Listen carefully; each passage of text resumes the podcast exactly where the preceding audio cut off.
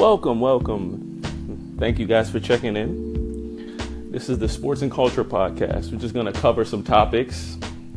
I haven't been recording, you know, I've been doing some, doing a few things, but you know, now I'm I'm here and I'm committed.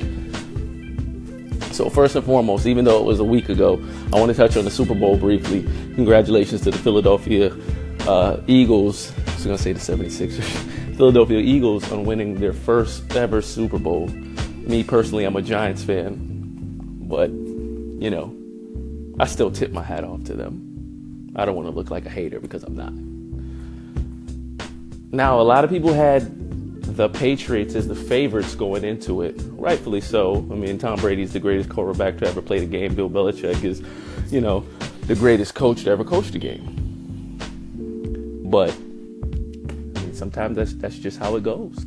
Now, prior to this win, also Eli Manning seemed to be Tom Brady's only kryptonite when it came to the Super Bowl, but that's changed too.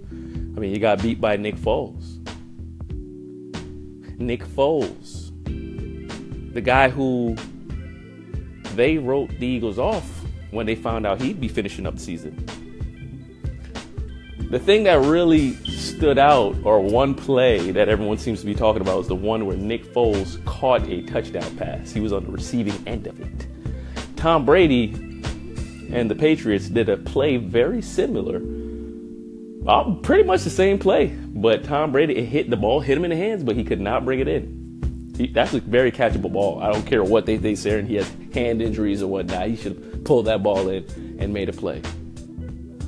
But it was a very entertaining game, just like last year. It went down to the wire. Well, last year it was more of a comeback, but nonetheless, it was entertaining and it was enjoyable.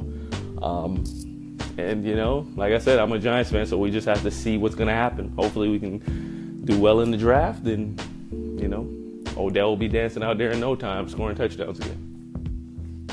Now, I'd like to move over to the NBA. The Cleveland Cavaliers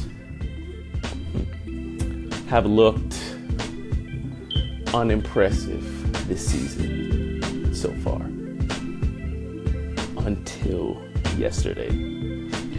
With the acquisition of Jordan Clarkson, Rodney Hood, uh, my missus, oh,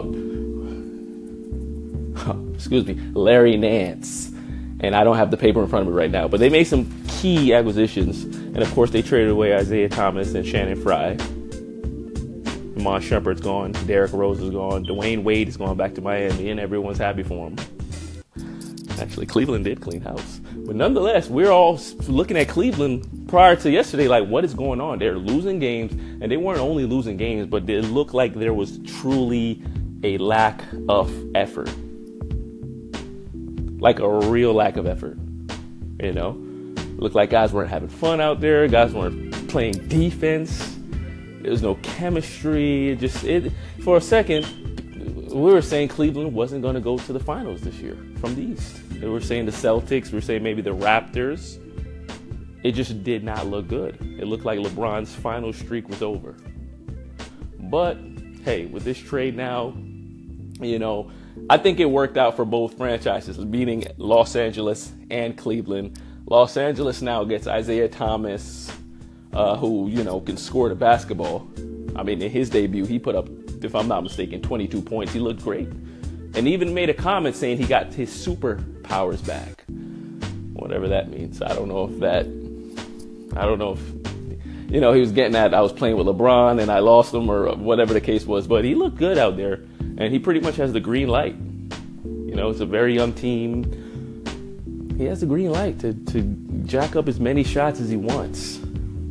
Now, he did come off the bench, but he still played about 30 minutes, which is plenty.